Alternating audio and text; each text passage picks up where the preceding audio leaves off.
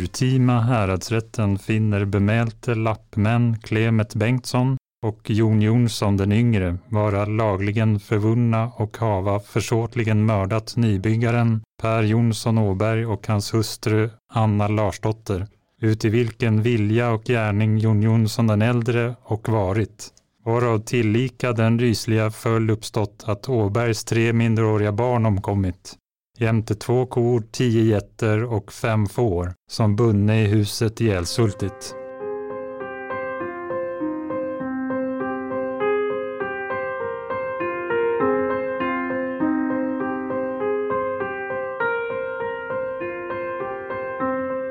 Hej och välkomna till Arkivpodden i serien Dokument berättar. Jag heter Martin Adström och idag är det du min kollega Jim Hedlund som är tillbaka hit till studion. Ja, tack. Idag får ni stå ut med mig igen.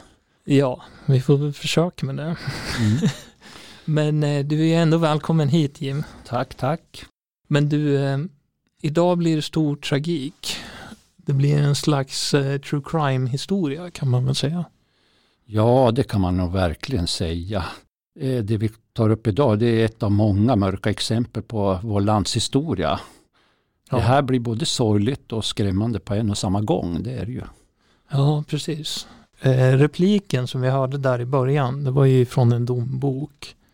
Det, det hörde ju jag i alla fall. Mm. Men eh, vart, var, när och hur utspelar fallet sig?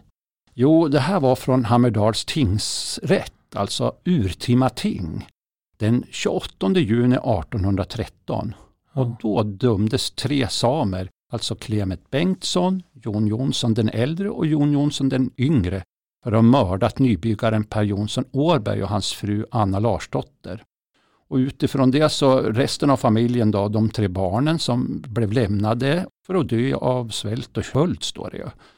Och det här var ju en fruktansvärd tragedi förstås. Ja, oj. Det är ett ruskigt drama. Ja, det är ju två saker som fick mig engagera mig i det här fallet. Den här historien fick jag höra redan som tioåring faktiskt. Och min styvfar, han hette Bo Årberg och alltså släkt med den här nybyggarfamiljen som man sa mördades där uppe i Hogden. Då. Ja, oj. Och, och, nu långt senare, nämligen eh, ja, härom året så såg jag faktiskt ett föredrag av Elisabeth Rudell Jansson. Och hon hade forskat i det här fallet i Hogden i många, många år. Och, och, jag tyckte det här var så pass intressant att jag ville lyfta det här i Arkivpodden. Men eh, kan du ge mig och lyssnarna lite bakgrund? Vad handlar brottsfallet om? Egentligen? Jo, jo, jo, men det här handlar alltså om nybyggaren Per Jonsson Åberg. Och Eh, som med sin familj vandrade till Frostvikens fjällvärld för att få bruka egen mark. Just. Och Pers familj det bestod av hans fru Anna Larsdotter och deras tre barn då, Britta som var nio och Lars sex och Anna som var tre år. Och de hade ju även med sig två kor, tio getter, fem får och en hund. De hade ju lämnat sin hembygd Undersåker vid midsommar 1812. Mm. Och så gick de faktiskt alltså 20 mil till fots. Stora delar var ju väglöst land. Ja. Och ända upp mot Frostviken till ett nybygge vid sjön Hugden. Eller Schoten som man säger idag.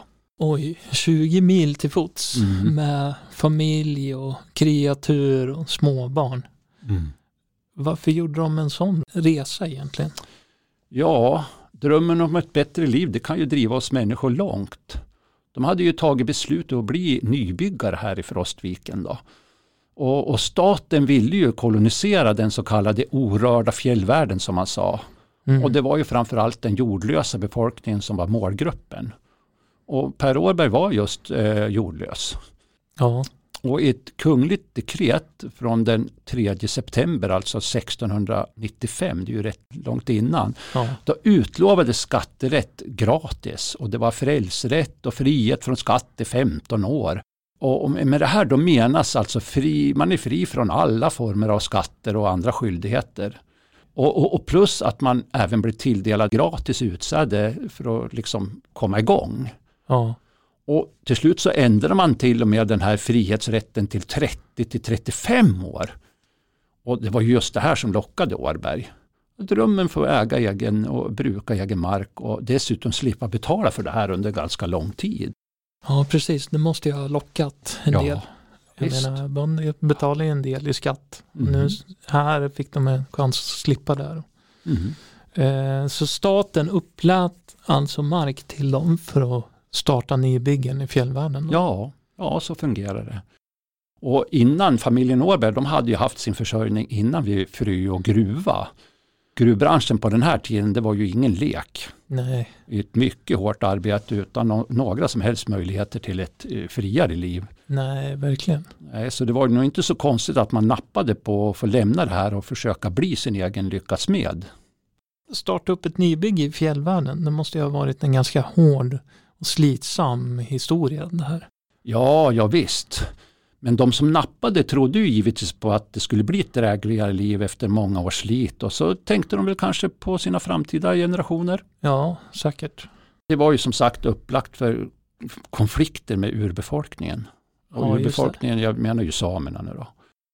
Och många av de här utlovade markerna brukades ju redan av samer och, och de hade ju ofta brukat de här markerna för sin rennäring under lång, lång tid och kanske ibland flera generationer bakåt. Ja, just det. Samerna vandrade ju även med sina skatteland utifrån årstiderna och de här vandringslederna som hade kanske legat där i århundraden, de riskerade ju plötsligt att bli avstängda av hagar och det Ja, blev liksom förändringar som störde liksom deras rennäring. Och det här var ju inget som staten hade tänkt på. nej, nej. Man visste nog inte alltid vad de här besluten i att kolonisera fjällvärlden ledde till. Och, och beslutsfattarna var varken insatta eller kanske inte ens intresserade av vad urbefolkningen hade för seder, alltså traditioner och förutsättningar för sin näring. Alltså. nej. Man såg väl mest att fjällvärlden var ju så stor, det borde ju räcka till alla. Och problemet är ju att fjällvärlden är, även kan ju vara väldigt hård och skoningslös. Det är ju liksom hårda tag Ja. där. Ja, precis. Och, och tillgången till bra odlings och betesmarket är ju inte så stor och, och plötsligt blir det ju en ny konkurrens om sån här värdefull mark. Då. Och det är ju två grupper nu då som ställs mot varandra. Det är ju samer mot nybyggare. Och båda får ju slita hårt för att slippa svälta och båda är ju även redo att kämpa för sin rätt att kunna försörja sig själv. Precis. Ja, Och nu blev det alltså en konflikt som eskalerade. ja visst, med i det här fallet mycket blodig upplösning.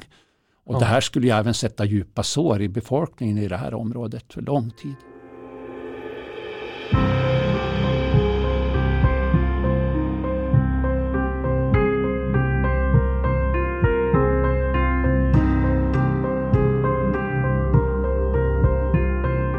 Familjen Årberg kom ju till nybygget Hogden efter midsommar 1812.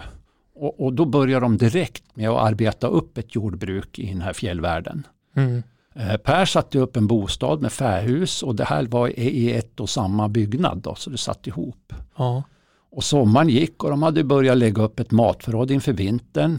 Och, och här var ju fisket en betydande del av kosten, mycket fiskrika sjöar där omkring. okej. Och de hade ju börjat slå och härsa hö och, eh, så att eh, kreaturen skulle klara vintern. Och man kan väl säga allt var väl som eh, man säger frid och fröjd i cirka ett halvår. Mm. Och Per och Anna de brukar ju också besöka Alanäset kyrka då. då. Och, och, och det gick ju inte varje helg och att det, inte berodde, det berodde ju ofta på att det var sju mil enkel väg från nybygget till det byn Alanäset. Då. Oj, sju mil. Mm. Det tar ju i alla fall två dygn att ta sig ner till Alanäs bara. Mm. Mm. Och sen tillbaka då. Ja. Så kanske fem dagar Ja. totalt då. Ja, varje, så vid varje kyrkobesök så får de gå eller skida i 14 mil. Ja, ja, så såg det ut för dem. Ja. Det måste ju ha helt klart varit oerhört tufft att leva så. Inte minst med tanke på de förutsättningar som rådde på den här tiden. Ja, det var ju hårt. Och, det som var själva meningen med den här kolonisationen är ju att exploatera vildmarken i fjällområdena. Och, och Mm. någon ska ju vara pionjär och för dem var det ju givetvis extra hårt pionjärerna och familjen Norberg var ju, var ju de då. Ja. Och, men hur som helst, sista gången de besökte kyrkan i, i Alanäs, det var ju den 4 oktober. Och det var meningen att de skulle ta sig till gudstjänsten även den 18 oktober, men då stannade de hemma eftersom det var snö och väder. Mm. Och det var just den 18 oktober sista gången man såg den här familjen vid liv också. För, okay. Ja, det var ju Per Göransson, det var en annan nybyggare ja. Gärdsnäset som sov över hos dem då. Han tog sig inte heller dit då. Nej, nej. Eh, på det här. Och, och, han hade varit just och, och fiskat där så han fick sova Uppe över hos dem. Ja. Och sen blev det tyst om familjen Årberg. Ja, sen var det tyst. Tiden gick och när man inte hade sett dem i kyrkan på två månader så bad man ju två män att ta sig till det här nybygget och se hur det var med familjen då. Mm. Och den 17 december då kom man fram till Årbergs nybygge. Men då låg huset som övergivet, det såg ut så. Och snön låg ju djup och orörd utanför dörren och ingen rök kom upp ur skorstenen. Och det syntes ju som inga som helst spår i snön heller utanför. Nej, nej. Men de här männen de tog sig in i huset men där mötte de ju, alltså de fick en obehaglig syn. Okej. Okay. så här. Ja, Vad såg för, de där inne då? Ja men alldeles innanför dörren så låg den äldsta flickan död bredvid en omkullvält stege. Och de andra barnen de låg döda i sina sängar då på loftet. Aha, Sov på loftet de. Och alla djuren låg döda i sina fållor men faktiskt hunden levde. Okej. Okay. Men förutom den här omkullvälta stegen då sågs det inga tecken på oordning i stugan. Det var liksom bara frust där. Vilken fruktansvärd upptäckt. Då måste ha blivit chockade. Ja, absolut. Och, och, och, det märkliga var att det inte fanns några som helst spår efter de föräldrarna, alltså Per och Anna. Nej. De var bara som spårlöst borta. Aha. Och en annan sak, det, det fanns faktiskt gott om mat i förråden. Men den var helt orörd. Det var ju underligt. Ja, och så stod ju härsorna med hö fortfarande kvar ute, översnöade. Och det är alltså en dödssynd på den här tiden. Det är väl alltid en dödssynd. Oj, vad var det som hade hänt? Vet man det? Nej, ja, vad hade hänt? Ja, ni, det kan ingen säkert säga faktiskt. Men en sak står klart i det här då. Hela familjen Norbergs Sjogdens nybygge var ju utplånad. Det här var ju en fruktansvärd tragedi.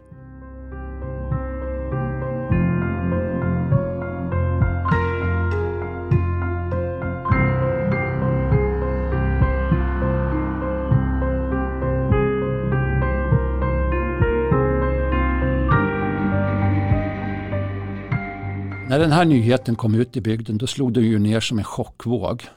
Och givetvis måste man ju grundligt undersöka det här. Ja, och, och man, man, transporterade de här tre barnen till Alanäs och där blev de obducerade av provinsialläkaren Per Rissler. Och där konstaterades ju att barnen hade dött av hunger och köld. Vad fruktansvärt. Ja, verkligen. De begravdes sen i Alanäset den 7 januari 1813. Ja. Och i kyrkoboken för Alanäs församling då finns hela familjen Årberg inskriven med alla namn och så är de ju överstrykna då, och bara ett ord står skrivet stort bakom allihopa liksom gemensamt. Det står bara död. Wow, dramatiskt. Men det slutar inte där. Nej, det här var ju bara början som satte trauma på det här området, inte minst för den här samiska befolkningen. Nej, nej, nej. Men letar man inte efter paret Årberg, alltså Per och Anna? Jo, det gjorde man verkligen. Kronolänsman Örling gjorde tillsammans med flera bybor många eftersök i området. Ja. Och man finkammade all terräng närmaste bygget och, och även själva bostaden undersöktes flera gånger. Men utan att man, några som helst resultat. Så till slut så drog man helt enkelt slutsatsen att Per och Anna måste ha förolyckats på något sätt. Då. Ja, kanske drunkna eller mm ja, fiske var ju en viktig del i deras försörjning som sagt. Mm. Ja. Ett eh, mycket sorgligt drama redan där mm. kan man ju säga. Eh, att föräldrarna bara försvinner och att barnen blir ensamma för att sen frysa och svälta ihjäl. Ja, det är så hemskt. Ja. Men, men den här olycksteorin den skulle ju snart ändras helt. Okej. För, för det, runt om i byarna då började det pratas och ryktas att det här inte kunde vara någon olycka.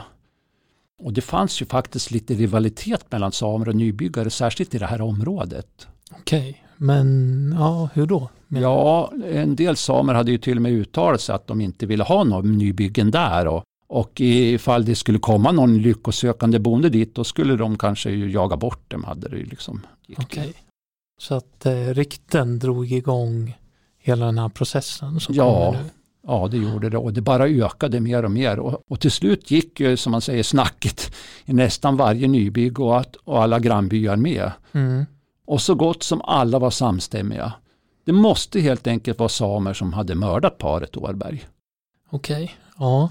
Det är ju en, en klassiker är ju när man väl har bestämt sig för en teori så lägger man till och drar ifrån saker så att de passar in i, eh, utifrån ens egna slutsatser. Det här känns ju som en sån sak. Ja, ja, det sker ju många gånger. Och det här det eskalerade ju så pass att landshövdingen själv, alltså Anders Wassell, han fick höra om det här och beordrade kronolänsman Erik Petter Örli- Örling från Hammerdal att göra en omfattande brottsundersökning. Då. Mm.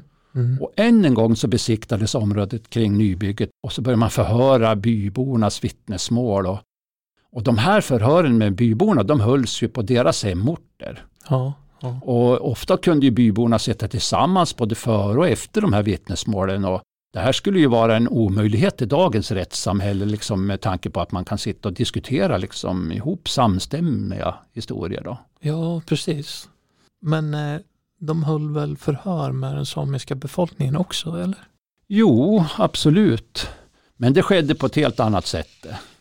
Man, man letade ju rätt på så många samer som möjligt som man kunde hitta i regionen. Ja, faktiskt, man var ända in i Ångermanland och tog in dem. Jaha, Och även kvinnor och barn och de, ja, alla fördes samman och fick åka fångtransporter hela vägen till häktet i Östersund. För en del blev det ju en färd på mer än enkel resa på mer än 20 mil. oj. För att förhöras. Ja, ja, och i Östersunds häkte där fick de sitta för att sen allt eftersom då förhöras om det man redan bestämt sig för, nämligen att eh, morden på Per Årberg och Anna Larsdotter måste vara utfört av samer. Okej. Men jag tänker att alla kan ju inte ha varit misstänkta för mordet. Liksom. Nej, Det, det var ju verkligen inte en likadan, eller det var ju verkligen inte en lika behandling för dem. Nej, nej det var det verkligen inte. Och, och det här medförde ju också att många samer höll sig undan. Ja, del försökte ju även ta sig över till Norge. Och, och det här kan ju man kanske blev rädd för någon slags kollektiv vedergällning eller att någon lynchmobb skulle ge sig på dem. Eller, ja, ja. ja, det är ju svårt att veta sånt här. Ja. ja, det är inte så konstigt när rättsväsendet behandlade bondebefolkningen mycket mildare. Där man höll förhören på hemmaplan så att Mm. säga. Eh, och, men samerna däremot, de tas in och förs 20 mil bort till ett häkte i Östersund för att förhöras där. Nej, precis. De måste ha känt sig utpekade också. Många av dem de här behärskar ju inte heller det svenska språket och det Nej. gjorde dem eh, kanske än mer skärrad. Särskilt då de flesta av bondebefolkningen nu då, de- de såg ju på dem med misstro och Mm. de blev liksom redan kollektivt dömda på förhand. Ja.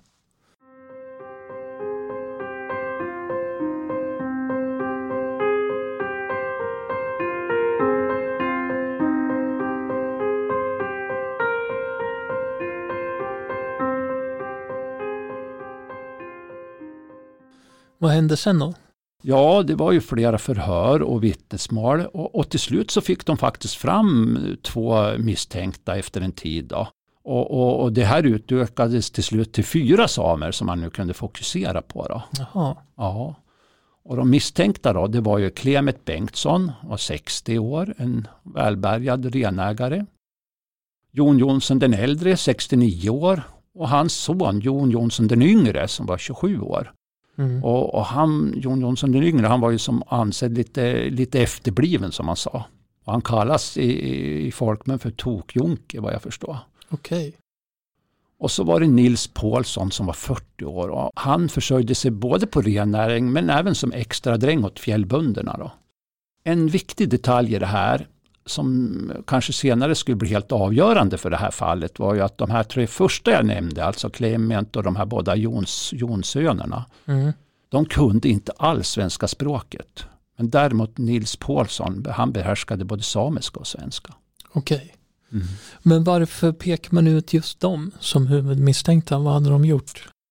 Clement Bengtsson och Jon Jonssönerna de hade ju sina renbetesområden där familjen Åberg hade lovat sätta upp sitt nybygge. Okej. Och det var ju faktiskt inom deras skattefjäll de betalade också för de här markerna som de hade satt ner skatt om. Man skulle ju senare även hänvisa till att de här samerna var i området och flyttade renare just vid den tid som man förmodade att föräldrarna hade försvunnit. Ja, det är ju i och för sig ett motiv. Men man kan ju fråga sig om det räcker som ett motiv för ett mord. Eller flera. Nej, precis. Man hade ju just inget annat att gå på ändå. Nej. Och, och särskilt när man visste att många samer också var irriterade på att de fick flytta på sig allt eftersom nybyggarna kom dit. Ja, just det. Eh, och när det gällde Nils Paulsens motiv så var det ju just att flera vittnen hade ju hört också att Nils flera gånger hade ondgjort sig över Årbergs nybygge och han hade även sagt så här att han, han skulle nog piska dem därifrån. Ja, uttrycker man sig som Nils Paulsen gjorde så finns det alltså ett öppet hot mot familjen Åberg. Men jag tänker så här, det är en stor skillnad mellan att prata och att skrida till handling. Ja, ja visst var det så. Och ja. Några av de här sa att de hade ju svarat mot honom också, att han inte vågade och så här då. Jaha, och Nils oj. själv, han nekar ju hela tiden till det här. Han hade varken sagt eller gjort något så här. Nej. Och som sagt, Nils kunde ju, han kunde ju tala och argumentera för sig själv, för han behärskade ju också svenska språket då. Mm. Men det fanns ju också ett annat starkt spår och det var ju just Jon Jonsson den yngre. Okay. Man sa ju också att han i fyllan hade jojkat om de här morden utanför kyrkan i Ramsele då, i Ångermanland. Okay. Och han hade även setts i byarna och där skulle han ha sålt saltad fisk. Vet du. Ja. Saltad fisk det var ju liksom mer nybyggarvis det. Samerna okay. sålde ju liksom osaltad fisk. De. Ah, okej. Okay. Mm. Så att eh, den saltade fisken och jojken det blev Jon Jonsson den yngres öde då? Ja, det här var nog början på hans undergång, det kan man nog säga. Oh. Och här måste vi ju nämna en sak. Nils Paulsson, han som ju också var misstänkt för att eh, ha sagt att han skulle piska bort Årbergs. Han vittnar ju faktiskt mot Jon Jonsson den yngre nu och sa att ja, han har nog också hört att den här, eh, han har jojkat det här vid kyrkan i Ramsele. Okej. Okay. Ja. Så Nils Paulsson var alltså även ett hot mot sina medåtalade? Ja, kanske var det så. Och det var ju som sagt, ja, det var ju han som kunde svenska. Han kunde ju hänga med i förhandlingarna och försvara sig. Ah. Och de andra tre, de måste ju ha haft svårt att försvara sig även och förstå vad de sa i rättssalen, vad som hände liksom. Mm. Ja, de hade ju en tolk, eh, men det var ju länsman Mattias Höglund. Och han fungerade ju inte bara som tolk utan han var även åklagarvittne och nämndeman och till och med gick in som åklagare mot dem när den här kronolänsman Öring var sjuk. Okej, okay. mm. jag hänger nästan med. Men ja. men eh, ja, så deras tolk fungerar alltså även som en åklagare mot dem.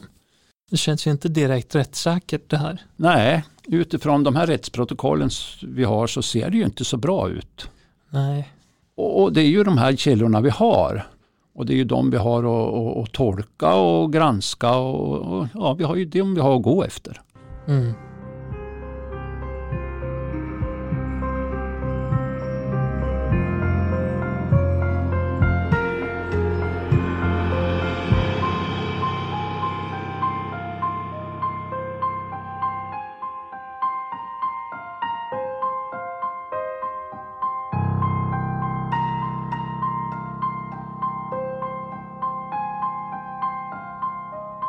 Det är just deras tolk, länsman Höglund, som får fram första erkännandet om mord. Eh, Jon Jonsson den yngre hade berättat för honom att han och hans far Jon Jonsson den äldre och Clement Bengtsson hade ju varit i det här området i Skogden i slutet av november. Ja. Och en natt hade de här tre då åkt skidor till Åbergs hus och de hade tagit sig in i huset och stuckit ner paret Åberg med spjuten som de hade tagit med sig. Ja. Och sen då hade de släpat ut kropparna och, och, lagt dem vid en sten, alltså gömt dem vid en sten, inte långt från gården. Okej. Okay. Mm. Och dagen efter då hade de skidat tillbaka till husen och stulit en massa insaltad fisk som de sen kunde sälja på marknad. Varför skulle de ha gjort det egentligen? Vad hade de för motiv? Ja, den enda orsaken Jon hänvisar till var att nybyggarna störde renbetet för dem. Ja. Och, och, och, det var vid det, detta erkännande som Nils Paulsen fyllde i att han faktiskt hade hört om det här, att han hade hört Jon Jonsson, den yngre, jojkat om det vid Ramsele kyrka. Och sen fortsatte Nils vidare med att neka till de här anklagelserna mot han själv om hot och så här. Så att han fortsatte okay. liksom och, och, alla misstankar går ju mot de här tre mer och mer nu då. Han försöker rädda sig själv lite ja. grann. Men eh, nu hade man ju i alla fall då de som undersöker brottet mm. fått fram tre namn som eh, skulle kunna vara skäligen misstänkta för morden. Ja, utifrån där så gick ju utredningarna in i ett, som man säger, nytt skede då. Mm. Och den 24 mars då hade man ju nu burat in samerna Jon Jonsson den äldre och hans fru Margret Andersdotter, sonen Jon Jonsson den yngre och Clement Bengtsson och Clement Bengtssons drängar. De hette Thomas Thomasson och Paul Andersson. Och sist men inte minst nu då, Nils Paulsson, han satt ju fortfarande kvar då. Okay. Och de här nu då, de skulle ju hädanefter då pendla mellan varje tingslag i Hammerdal och Östersunds fängelse. Och det är ju sju mil enkel väg med häst och vagn det. Ja. Jag tänker på det du sa i början, att det inte tydde på något bråk eller oordning i stugan. Men om de nu blev mördade med spjut så borde det väl ändå ha funnits blodspår i huset, tänker jag i alla fall. Ja, visst.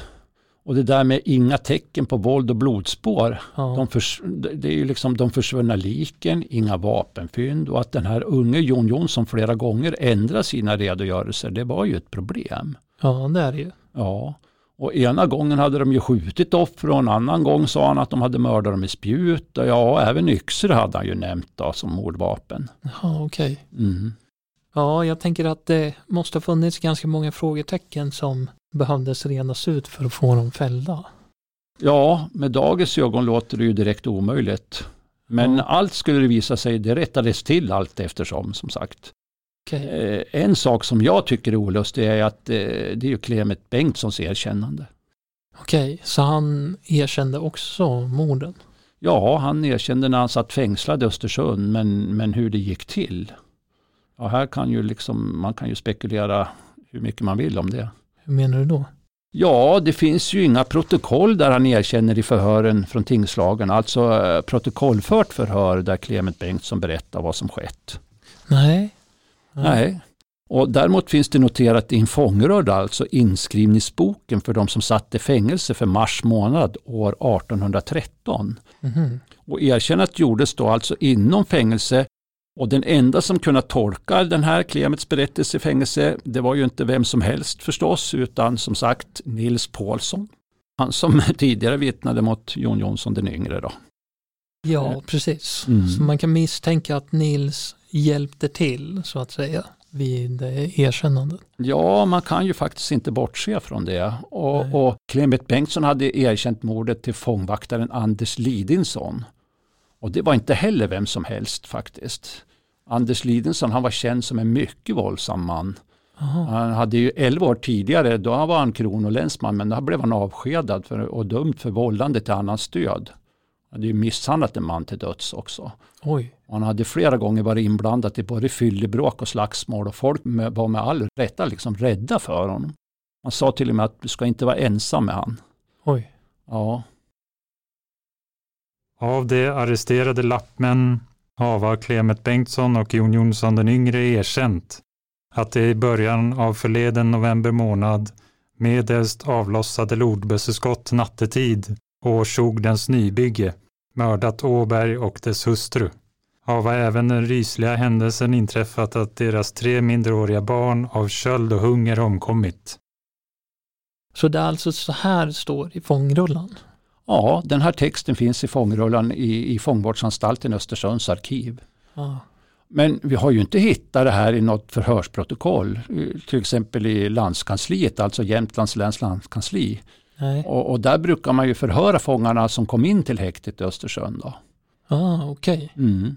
Och efter det här då, då blev Clement Bengtsson uppskickad till Sogden för att vallas runt på brottsplatsen och peka ut platsen för kropparna och vapengömman men det blev ju inga som helst resultat av det. Dels de som vallade runt Klemet, de kunde ju inte samiska och själv kunde han ju inte svenska. Nej. Och utöver den här expeditionen då, då gjorde man åtta resor upp till bygget med sammanlagt 169 dagars letande utan något som helst resultat. Man hittade ingenting. Oj. Men det fanns ju inga som helst fysiska bevis. Och i så fall så kan man väl inte döma dem heller. Nej, det kan man ju faktiskt tycka idag, men de hade ju faktiskt fått två av de här tre männen att berätta om morden och och även om deras historia inte stämde så värst bra ihop så kunde man ju bygga på dem och få fram en tillrättalagd berättelse som eh, sen alla tre, alltså Clement Bengtsson, Jon Jonsson den äldre och Jonsson den yngre samställde till. Eller visste det ens om att de erkände det här?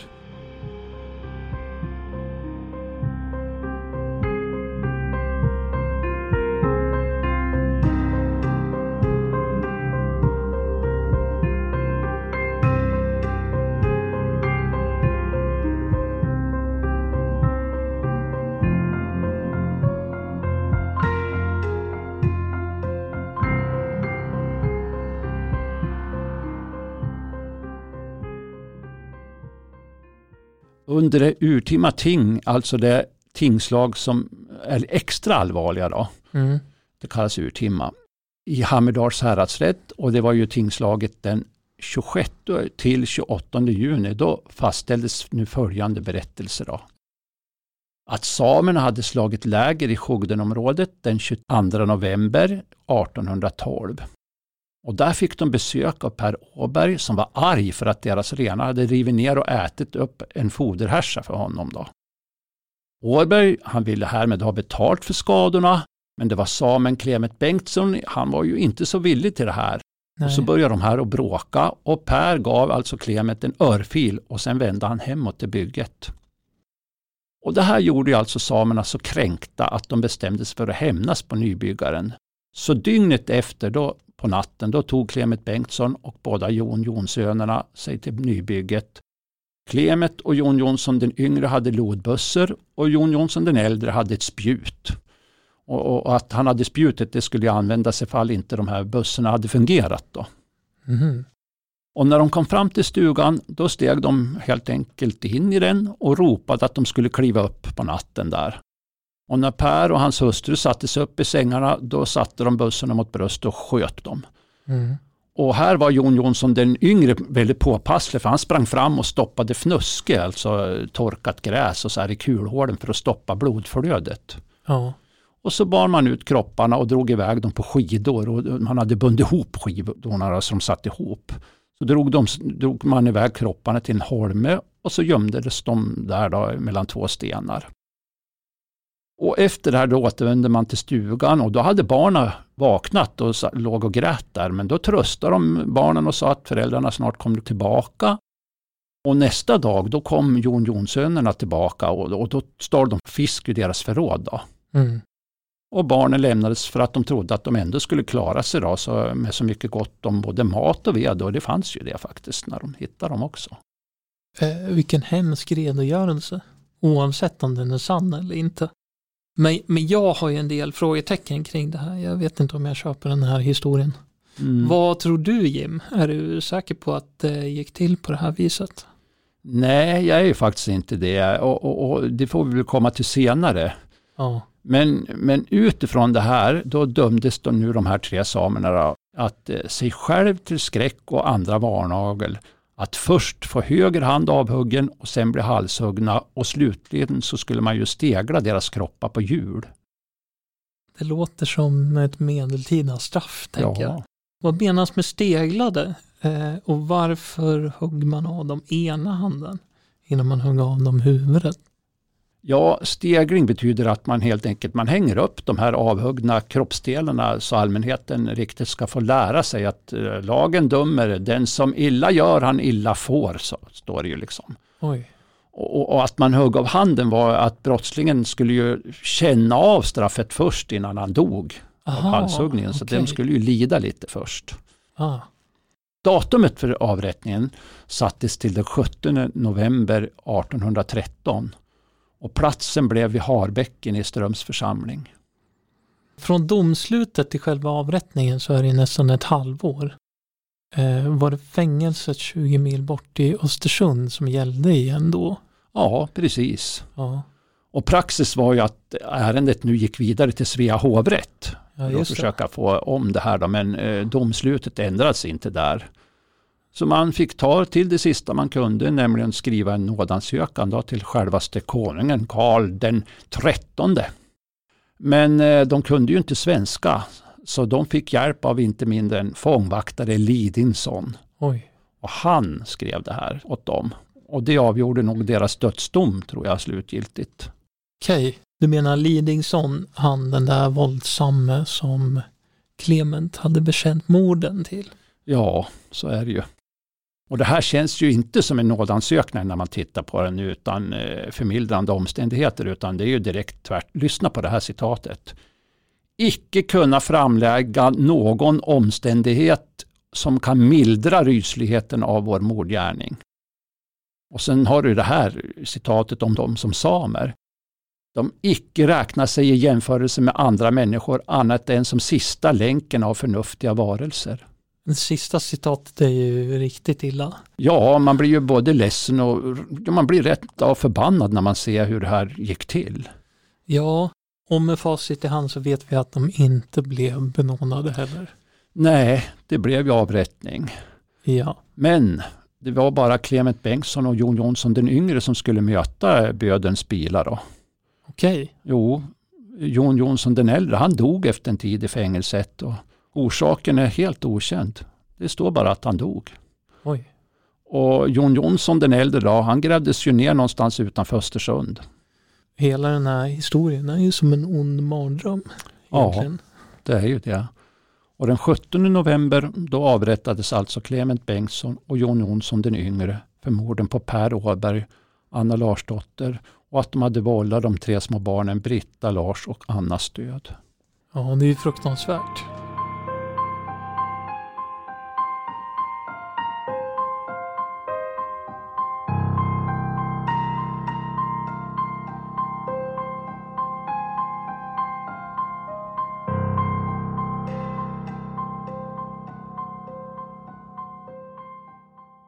Men eh, som du säger Jim, så känns ju den rättsliga delen av den här historien väldigt osäker.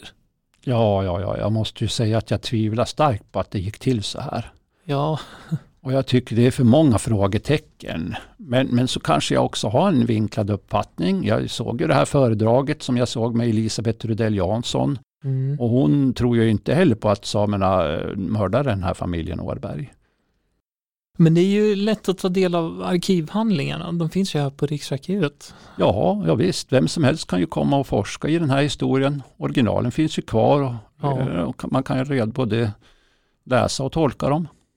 Precis. Jag måste ju ändå nämna att Rudell Jansson även har tagit hjälp av Sveriges främsta rättsmedicinare, alltså professor Anders Eriksson. Han är ju rättsläkare och chef för rättsmedicinska avdelningen i Umeå till exempel. Och, mm. och han i sin tur, han har bollat med en kollega i USA det här då. Ja, oj. Mm. De, de tog sig an ett riktigt cold case. Ja, ja verkligen. Cirka 200 år gammalt. Men, men hur som helst, de fick ju ta del av handlingarna kring själva morden, alltså eh, kring skotten med lodbössorna mot de här offren i sängarna. Ja. Och sen frågeställningarna här varför det inte fanns blodspår och möjligheten att kunna stoppa blodflödet i en stuga i en mörk novembernatt. Ja. Och sen även frakta ut kropparna därifrån utan att några spår eh, kom. Och, och, och jag hänvisar alltså till en text som Rudell Jansson visade upp under föredraget. Den säger så här då, där skrev ju liksom läkarna då. Sammanfattningsvis framstår det dock som mest sannolikt att det blivit genomskott, alltså att kulan gick igenom kroppen på dem, mm. med avsevärd blodspillan redan i skottögonblicken och omedelbart därefter. Uppgiften om att blod saknas i bostaden gör åklagarens version osannolik, inte minst mot bakgrund av att två personer togs av daga. Ja, det verkar ju märkligt om Jon Jonsson den yngre skulle lyckas täppa till såren på de båda, båda offren så pass snabbt eh, så att inget blod kunde hittas mm. i stugan. Och som man säger så skedde det mitt i novembernatten mm. i mörkret. Då finns det ju knappast något bra ljus i stugan. Nej, det är ju en av många konstigheter i det här. Och, och, under själva rättegångarna 1813 så var det också det här med saknad av blodspår som blev ett problem för åklagaren. Men de löste sig, för de här som hade undersökt brottsplatsen, däribland länsman Höglund då, var ju han som även var tolk åt samerna. De gjorde tillägg liksom efteråt att de faktiskt kanske hade hittat en hoprullad trasa då, Jaha. i där inne. Och, och när de hade vecklat ut den där så luktade ruttet kött av den där. Då. Och, mm. och, då sa de det kunde ju faktiskt också ha varit upptorkat blod, menar de på. Just det. Eh, eller en korrigering för att täppa till luckor i åklagarens bevisföring. Ja, vem vet. Eh, sen har vi ju det här med kropparna som aldrig hittades trots 169 dagars letande. Och så det här med tiden för brottet. Tiden? Hur menar du då? Jo, eh, går vi på åklagarens linje då måste ju paret Åberg ha mördats den 23 november.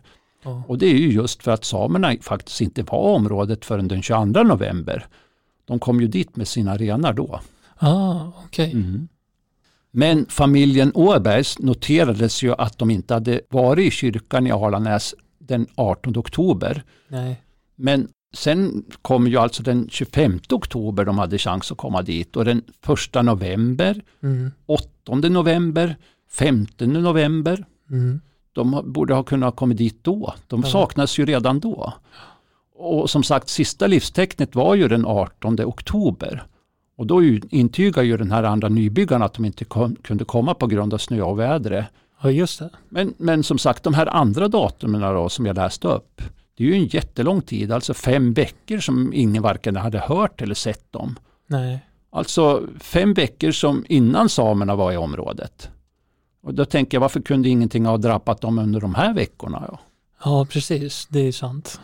Och sen stod ju härsorna översnöad kvar ute med foder på. Och i, det är liksom en dödssynd ju. Ja. Och i färhuset fanns det inget foder och djuren var bundna som om de ändå hade tagit in under natten bara. Jaha. Så de var inte inne för vintern.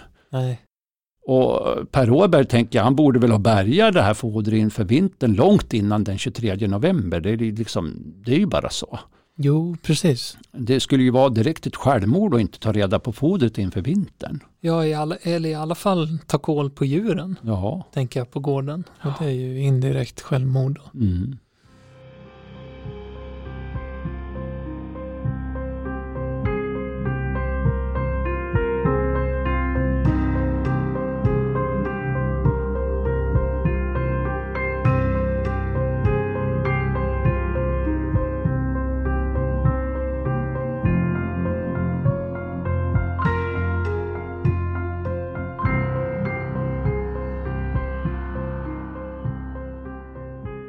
Jag tänker även på eh, Clement Bengtssons erkännande inför fångvaktaren Lidinsson.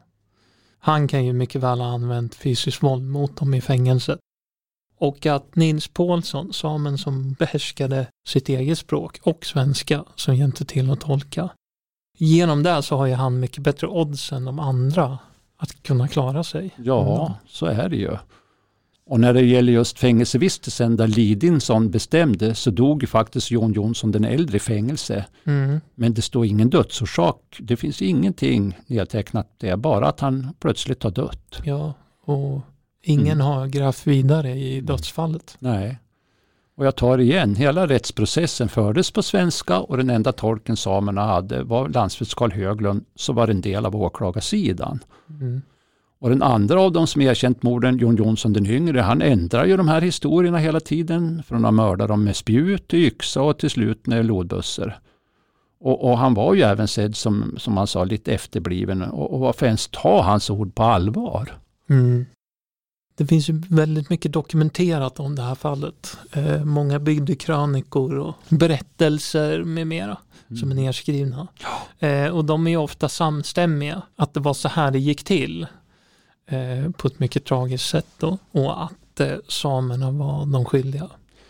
Ja, så här har det varit under lång tid och då är det ju bara den här versionen som har lagts fram, alltså att det var mm. så här det gick till då. Och det är ju inte förrän på senare år som man har mer kritiskt börjat titta på det här fallet och kanske inte, ja, det, det är ju många samer som har liksom varit lite kritiska men, mm. men eh, sen Elisabeth Rudell Jansson, hon gick ju in, hon är ju journalist och har ju forskat ja. i det här länge. Hon la ju ner verkligen lång tid och arbete på det här. Ja. Vad tror du hände där uppe i Sjungden hösten 1812, Jim? Oh, herregud, ja det är omöjligt att veta. Men, men, man kan ju ha olika teorier om vad som hände. Jag, ja. jag tror ju att de förolyckades. Ja. Ja. De kanske drunknade. De, det är ju gott om fiskevatten där. Mm. De kanske råkar ut för något av, på den där sju mil långa vägen ner till kyrkan i Alanäs. Mm. Det är ju så, när folk bara försvinner är ju ett mysterium. Ja, precis. Och de skulle ju inte vara de första jämtarna som drunknar ute nej, på en sjö. Nej, nej. Eh, under 1800-talet. Det finns ju gott om sådana i var jättevanligt. Ja. Ja, fallet är ju och förblir olöst. Men en sak är säker. En familj med tre små barn utplånades helt och som en följd av det så mm. fick tre samer skulden och blev avrättade och fick sätta livet till. Mm. Det är en mycket tragisk historia som kanske till och med innehåller justitiemord. Ja, så är det ju. Jag tror ju att det är ett justitiemord. Ja, du ska tack Jim. Det var en väldigt intressant och spännande berättelse, men också ganska tragisk sådan. Ja, tack själv Martin. Och idag när vi sänder det här så är det ju faktiskt eh, samernas nationaldag den 6 februari. Mm. Men Jim, det här var ju kanske inte precis något muntert sätt att bidra till firandet. Nej, det var ju kanske inte då, men, men, men att sätta ljuset på samisk historia, det är ju viktigt. Och på så sätt kan väl det här ändå på något sätt bidra till hyllningen av samernas nationaldag. Det, det har du ju rätt i. Och den här podden har ju inslaget av att försöka rentvå samer lite grann som blev dömda och straffade för någonting som de kanske inte har gjort. Ja, lite så ser jag det som. Men eh, jo, eh, jag tänker på när vi kommer in på samernas nationaldag. Ja. Jag måste ju få passa på att berätta att för bara några dagar sedan så öppnade Riksarkiven i Norge, Finland och Sverige en arkivportal som samlar digitalt samiskt arkivmaterial från länder i faktiskt hela Europa. Den heter Nohti. Nohti? Och Nohti det är det samiska ordet för not, alltså en gammalt fiskenät. Man okay. kan hitta den på adressen nohti.com. Och det stavas N-U-O-H-T-T-I www.rättsfallet.com. Det är ju inte säkert att det finns någon information om just rättsfallet Hogden där då på Nokte, men eftersom det mesta är nedskrivet i häradsrättens protokoll och de är ju inte digitala än då. Nej. Men många andra intressanta dokument, fotografier från Sápmi kan man ju hitta där. Och, ja. och ett tips till er som är intresserade av samisk historia och kultur så besök Nokti. Ja, men det var ju ändå en positiv avslutning på ett ganska tragiskt och mörkt poddavsnitt i övrigt. Mm. Eh, och med det så slutar vi här. Tack alla ni som lyssnar på oss. Ni får gärna berätta för era vänner om vår arkivpodd Dokumenten berättar. Eh, och med det så säger vi tack och hej. Hej!